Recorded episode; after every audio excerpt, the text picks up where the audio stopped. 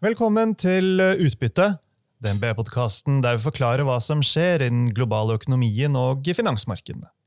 Jeg er Marius Brun Haugen, og nylig tok jeg med meg utbytte til Bergen og arrangementet Vestland på børs. På scenen fikk jeg selskap av Nordea-forvalter Robert Ness og Jim Serenza fra New York-kontoret til DNB Markets. Og under tittelen Buy, hold or sell diskuterte vi ulike deler av aksjemarkedet og hvordan internasjonale investorer vurderer investeringsmulighetene i Norge nå. Og med det gjenstår det bare å si god fornøyelse og takk for at du hører på Utbytte.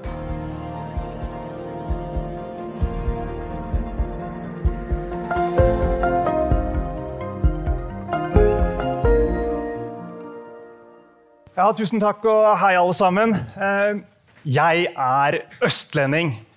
Men eh, til mitt forsvar så eh, har jeg tilbrakt mange ferier her i Bergen fordi min mor kommer herifra. Og jeg husker veldig godt uh, en gang jeg var uh, ni år. Det var midt på sommeren. Jeg var nede og gikk i sentrum med min uh, tante og onkel. Det var en sånn fantastisk dag hvor Bergen bare skinner. Og så stoppet jeg opp, og så så jeg meg rundt, og så sa jeg Hvorfor er ikke Bergen hovedstaden i Norge? Det er jo så vakkert. Og som dere helt sikkert skjønner, så har Bergenssiden av familien passet på å fortelle meg det med hver eneste anledning siden den gang. Men hvorfor forteller jeg dette? Jo, egentlig bare for å si at eh, jeg er veldig glad for å være her, og ikke minst føye meg inn i rekken av det som allerede har blitt sagt flere ganger, nemlig at eh, Vestland på børs er et, eh, og blitt et veldig, veldig bra arrangement. Det vi skal bruke de neste 20 minuttene på, det er ganske konkret. Det er å diskutere hva skal man kjøpe, eh, hva skal man selge. Og så skal vi prøve å flette inn og reflektere litt over eh, det vi har hørt eh, fra scenen tidligere i dag. Og så I tillegg så skal det bli podkast av det hele. Podkasten heter Utbytte. Det kommer om noen dager. Og med meg til eh, dette her har jeg to eh, personer med lang erfaring fra kapital- og aksjemarkedet. Det er eh, Robert Ness fra Nordea og Jim Serenza fra DNB. Så det er bare å komme opp, Robert.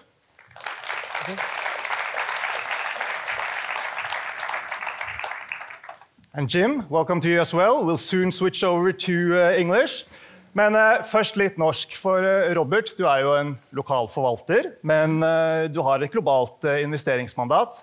Og på denne konferansen her i fjor så viste du noen fun facts om verdiskapningen som skjer på Vestlandet. Så det vi er spente på, er hva har du med for noen snacks til oss i år? Ja, det har jeg. Det er litt Du snakket om Bergen som hovedstad sant, og Oslo. Du kan se faktisk, Nå er Oslo blitt ganske lik Bergen, i hvert fall når det gjelder nedbør. Men det regnet litt mer i, i Oslo i sommer. Iallfall antall dager, da, ikke mengde. Og så litt mindre sol. Men det er ganske like tall. Okay, det var egentlig ikke det jeg skulle snakke om. Um, det jeg hadde tenkt å snakke om, var at i Vestland så bor 12% 11,7% av den norske befolkningen. Og vi har en god del av ressursene. Av sjømat, sant? Vi har de viktige sjømatselskapene Movi og hovedkontor her. Det er flere andre. At vi har 23% av slaktefisk fra 1.1. Til, til denne uken som er fra fylket Festland. Så helt så vidt på topp. Så er vannkraft. Så vi Vinje her. og vi bare ser på elektrisitetsproduksjonen fordeler der på fylket, som SSB har gjort for 2022, så ligger vi fortsatt på topp. Og så er olje viktig for Norge. Sånn hvis vi bare tar oljeproduksjon, Der har jeg laget tallet sjøl. Men det sånn jeg har ikke fusket. da. Men så rett linje ut fra Vestland. Sånn, hvor ligger feltene? Og da er vi ganske mye. Sånn, så det er jo masse grunner til at Bergen skulle være hovedstad der. Men, eh, men ett område vi også er på topp, som vi kanskje ikke bør være på topp. Og det betaler skatt. Så ser på det børsnoterte selskapene i Norge. Skattesats der, estimatet for 23, så topper eh, vestlandsselskapene. Og det er pga. sjømat sammen med Trøndelag. All right, let's take, uh, let's find our seats. Okay, so Jim, you know that part about rain in Oslo, I take it with a pinch of salt, you know. Apparently. But Jim, you're back here on stage uh, for the second year running. Uh, what makes you want to come back to Bergen? So first, Frederick, who runs the equity sales desk for DNB here in Bergen, said he'd pay for dinner tonight. Second, I was told by management of Deep, DeepX Diagnostics, who presented here this morning, that I, I need to spend less time in the sun. And then finally, DNB said they'd give me another one of those sweatshirts with, with the hood on and the DNB emblem. And so you can't have too many of those. So altogether, sounds like a good deal. Yeah, it does. I understand you were sold. Uh, over to a more serious matter. It's uh, already been touched upon. It's uh, almost one year ago since uh, the government introduced uh, the resource tax proposal overnight.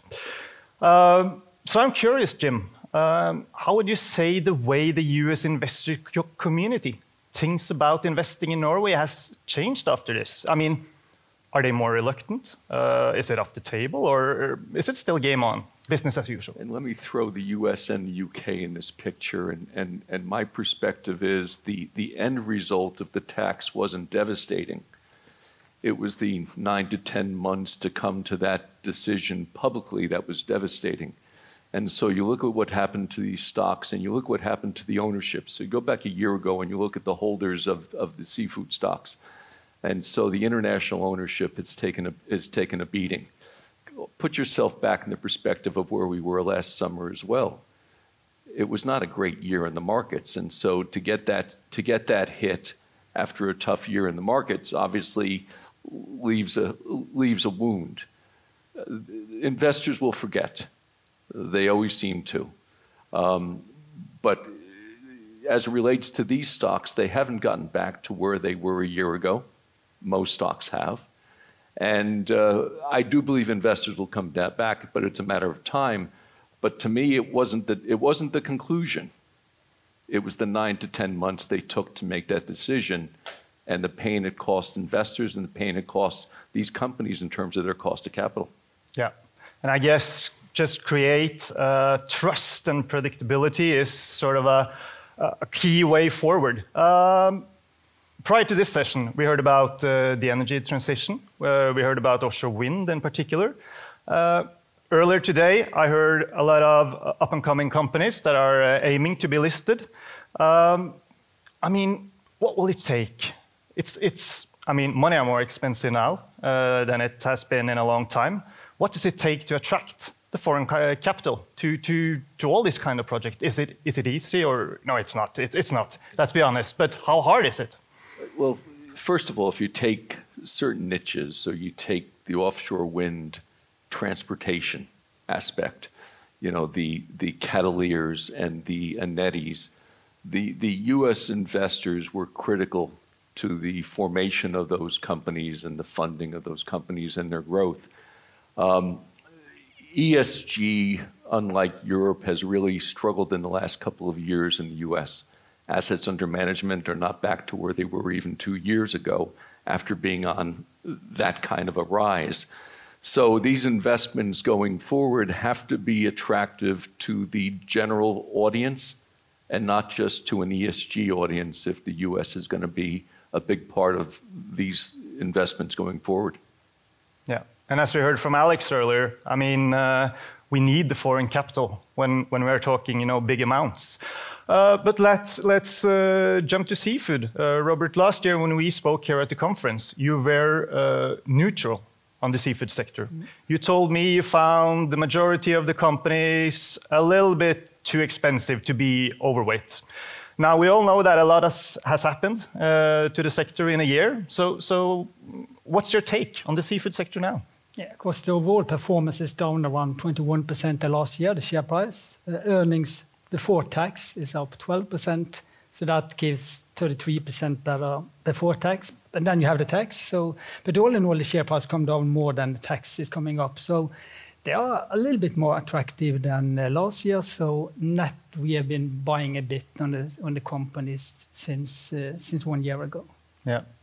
A lot of the company uh, presented, some here today. Um, have you had the chance to pick up any interesting data points from uh, any of the companies? I guess Mowi stole the show today, at least the headlines. Yeah, and they had pre-announced the numbers, so and that actual number was very much in line with that. But we have seen the share prices coming up, and I think that is a consequence of Mowi delivered as expected. Share price has been weak recently, and Lerøy often sometimes deliver a bit low, less than expected, but this time they did deliver more like expected. So I think that's a reason for the share price being strong. Yeah. So all in all, the numbers were decent, I think. The weak NOK has been uh, a subject uh, this year, at least here in Norway. And uh, Alexander, he touched upon it. He showed us his uh, Big Mac index uh, earlier today. So, Jim, you know, you get more bang for a dollar in Norway now compared to one year ago. Listen, currency weakness is, is, is generally not an, a, a, problem with stocks. Stocks generally do well in, in weak currency environments as long as the weak currency doesn't lead to a change of policy. So, I mean, just to give you, go back in history, if you go back to the early 1990s when the Swedish crown was devalued, in that period of time when the Swedish crown was weak for more than a year, equities outperformed the, the weakness in the currency and attracted a lot of foreign interest in that period of time. You take what's going on with the Bank of Japan, which is certainly, it has surprised me this year that they've continued with the uh, quantitative easing approach, despite the change in leadership at the Bank of Japan. But you, you've got a equity market in Japan which has performed almost double the currency weakness. So as long as it doesn't lead to the Bank of Japan now reversing and tightening, then it's not that a big, uh, big of a concern. I from the investor's I, point of view. That would be the concern. So as it relates to Norway, as long as the level of the currency doesn't spark, you know, a change in behavior in terms of more hikes, as long as it doesn't spark a change of behavior, it's a plus. Yeah. Robert, I think uh, to predict currency moves, I mean, that is even more trickier than predicting the equity market, isn't it? Uh. No one really knows. Uh, what's the best one can do to prepare? Is it to prepare for more volatility in the in the Norwegian crown going forward? Yeah, that could be one possibility. Of course, it has been good for the Norwegian company with the weak currency. It's been good for the earnings. So, um, of course, you could expect more volatility going forward. But we as an investor, it's very difficult to take bets on the currency. Yeah. And you don't believe it's some due to some sort of structural shift no, I guess the interest rate do explain a lot. If you're assuming that the Norwegian currency was too strong a few years ago and just look at the development the last two years, then, then most of it explained by the interest rates. Yeah. Okay, so let's talk uh, and discuss uh, the global outlook. Uh, and from a macro perspective, uh, recession has been on everybody's lips uh, at least for a year, a year and a half, maybe more. Um, I'm getting a little bit tired of that word, uh, to be honest. But, but uh, I guess we have to ask it. Uh, Jim, uh, is, is, recession still on deck? I mean, are we heading for a hard landing or a soft landing or, or no landing? You just have to stay patient. We're heading for a hard landing. So let's go back in history. When was the last time the Fed created a recession? 1991. It was more than 30 years ago. Uh, it was a mild recession. It had an impact on an election, possibly. Before that, we had Volcker in the early 1980s creating recession with, with, with rate hikes, and before that, it was 1973. The point being, it's been a long time. We've had recessions in the last 30 years, but it's been a long time since we've had a recession that's played out because central banks woke up too late and raised rates too much. And so, what the pattern tends to be is the first thing that drops are the things that are interest rate sensitive. So, about an hour ago, mortgage applications in the US came out for the week. And it, was the, it wasn't just the weakest number for the year, it was the weakest number since 1995 the interest the, the M&A market has been incredibly weak for the last five quarters. It's the weakest it's the weakest stretch we've seen in 10 years. So we're, I think we're back in the pattern of the interest rate sensitive part of the market gets hit first, orders get hit second, employment gets hit last. So just be patient, stay tuned, The train's, So the it- train's it, coming. It can prove to be a scary autumn or look out for 24. Listen, if we, Q3 should probably be okay, but if you look at Macy's results and statements yesterday about the consumer in the month of July, that doesn't, that's not exactly heartwarming reading. Okay, but you're in that corner. What Yes. about you, uh, Robert? Of course, if you look at the long-term picture, then um, then it's it's not that challenging with the recession. For actually, if you're investing at the time when you where it is in a recession, the performance in the next year has been good. So, actually, you don't need to bother with the recession when you're an investor. If you're long-term, it's not a problem. Of course. Uh, the period before you're seeing that you're coming into a recession, that is often weak.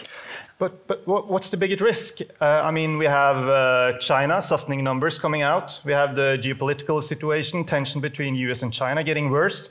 Uh, we have what's happening in global uh, real estate to a certain extent. Uh, there's nothing to worry about, but I guess there always is. I guess valuation is the most important because earnings is at record high levels. It will increase with a few percentage points this year. From from the last year was it also was a record high. So it's definitely a risk that uh, earnings will come down. And if earnings coming down and valuation is expensive, then uh, then we won't be good for equity markets. So I think that is the biggest risk. We have to touch upon uh, AI. It's been the driver of a lot of the rise we have seen in the US equity indices this year. Uh, uh, we had on Monday, we have a company like Nvidia uh, surging 8% just in one day. It's one of the largest companies in the world. Uh, so, I mean, going forward, Robert, will, AI, will it save the day or is it a bubble? Or? Of course, if you look at the performance in US this year, up 16%, then 11 names is, is explaining 13 of those 16. So nearly 85%. And that's AI names. So definitely the equity market believe that. And you have seen some companies, you mentioned NVIDIA, they're already earning a lot of money due to that. And hopefully the remaining company will earn more money or reduce their costs in the next coming years. But that will take time. Nvidia numbers out tomorrow, is it, Jim? You're ex- Tomorrow. You're, Uh, pretty excited? Listen, I think it's going to be, it's not just the numbers, you know, it's the statement and it's, it's the statements that come with it. And it's an understanding of exactly who's buying the chips and how they're being used and deployed. And, uh, and so there's a lot to understand in these numbers. And it was the most exciting number in Q1. My, my favorite, uh, one of my favorite charts coming through the Q1 earnings period, now that we're in the Q2 earn, earnings period, was something Morgan Stanley put out. And if you, if, you, if you bought stocks that mentioned the word AI in their conference calls, that was this chart. And if you bought technology stocks that didn't mention AI, that was this chart. And if you bought S&P equally weighted, that was that chart. So uh, the word AI has certainly worked, whether, whether it moves your results or you just mentioned it so far. But, but tomorrow's, tomorrow's results after the close, I think, are really, really important. And then we've got Jackson Hole. Yeah, so yeah, it's yeah, an exciting, exciting end to the week. And in the interest of time, we have to uh, move on. But uh, I guess uh, American politics, that can be a topic as well. But uh, that's more of a 24 topic, isn't it? Well, listen, we're, 15, we're 15 months away, and, and six months is a long time in Washington, D.C. Um, We're talking about the election, of course. Yes, Yeah. yes. So from a, from a policy point of view, if the two front runners end up in, this, in, in the same position they are today, a year from now, um, you think about the U.S. budget, and for decades, uh, defense was our number one spend. But that's only about three quarters of a trillion dollars a year. That's nothing. We've got uh, Social Security now, which is a trillion and a quarter, and then we've got Medicare in second place, and then we've got interest on the debt now in third place. So defense is only number four. So regardless of how the election plays out, and I'm sure it's going to be uh, the, a bad form of entertainment, but regardless of how the election plays out, I struggle with the candidate that has a chance to win, that has the nerve to tackle any of those big four buckets. Yeah. All right, we have to uh, conclude. Uh, I mean, are the equity markets, are they expensive or uh, cheap? So, I mean, the pricing, Robert, is it, is, ex- is, is it expensive or, or is it cheap? Uh, I think it's expensive. If you're looking at the regular P ratio, so the price compared to earnings, that is at decent levels. But then you have the bond yields that were down to 1%, the one and a half year ago, and now they're more than 4%. So adjusted for bond yields, they are a bit on the expensive side. So there are reasons to be cautious? Yes, it is. But, but not every stocks are expensive. The technology stocks are very expensive. If you look away from those, look away from the 10 largest stocks like in US, then, then valuation is more to decent levels. And we are able to find a lot of companies with attractive levels as well. Yeah. The energy sector is what sort of keeps standing out, uh, at least from my perspective. Um, what do you say about uh, the energy space, uh, Jim? We've we've had a really good stretch because U.S. investors took energy down to an unbelievably low percentage of the S&P two years ago. You know, I'm, I'm used to energy being somewhere in the teens as a percentage of the S&P, and we got down to less than 3% two years ago. So, so congratulations, energy is back to 5%. And so we've been able to get a lot done with some, a lot of the Norwegian issues that we did in the last year and a half with, U, with U.S. investors because they were scrambling to get from three, you know, two and a half percent to five. Um, they've largely made up that gap, but for instance, we did a placement. We did a placement last week where the, the U.S. demand in the deal was uh, was much greater than I would have expected. So, in places like drilling and offshore, we've had. Uh, we continue to have uh, good interest from the US. Okay, so to sum up in uh, one word, uh, and I'll start with you, Jim. Uh, the global equity market, is it a buy, a hold, or a sell? Listen, if, you, if, you're, if you're asking me for the balance of this year, the S&P on, on July 27th, I think, will be the high for the year. I think it's going to be a rough fourth quarter. There's a lot of factors, but Uh, there's a lot of paper coming to the market if the market's healthy, and I don't think there's enough cash around to handle the paper. And you've got a Treasury issuing a trillion dollars a quarter now, and you've got the, the, Fed reducing by 300 billion a quarter. You know, I remember when a, remember when a trillion dollars was a lot of money. There's a lot of paper. Sounds like a hold or a sell to me. So, Robert, what about you? Sell. Buy, hold, or sell? sell. Sell. I guess the long-term picture is still good. If you look long-term, then equity should be able to give decent performance. Uh, more tactically, we are more at the neutral level. Yeah. All right, that wraps it up. Thank you so much.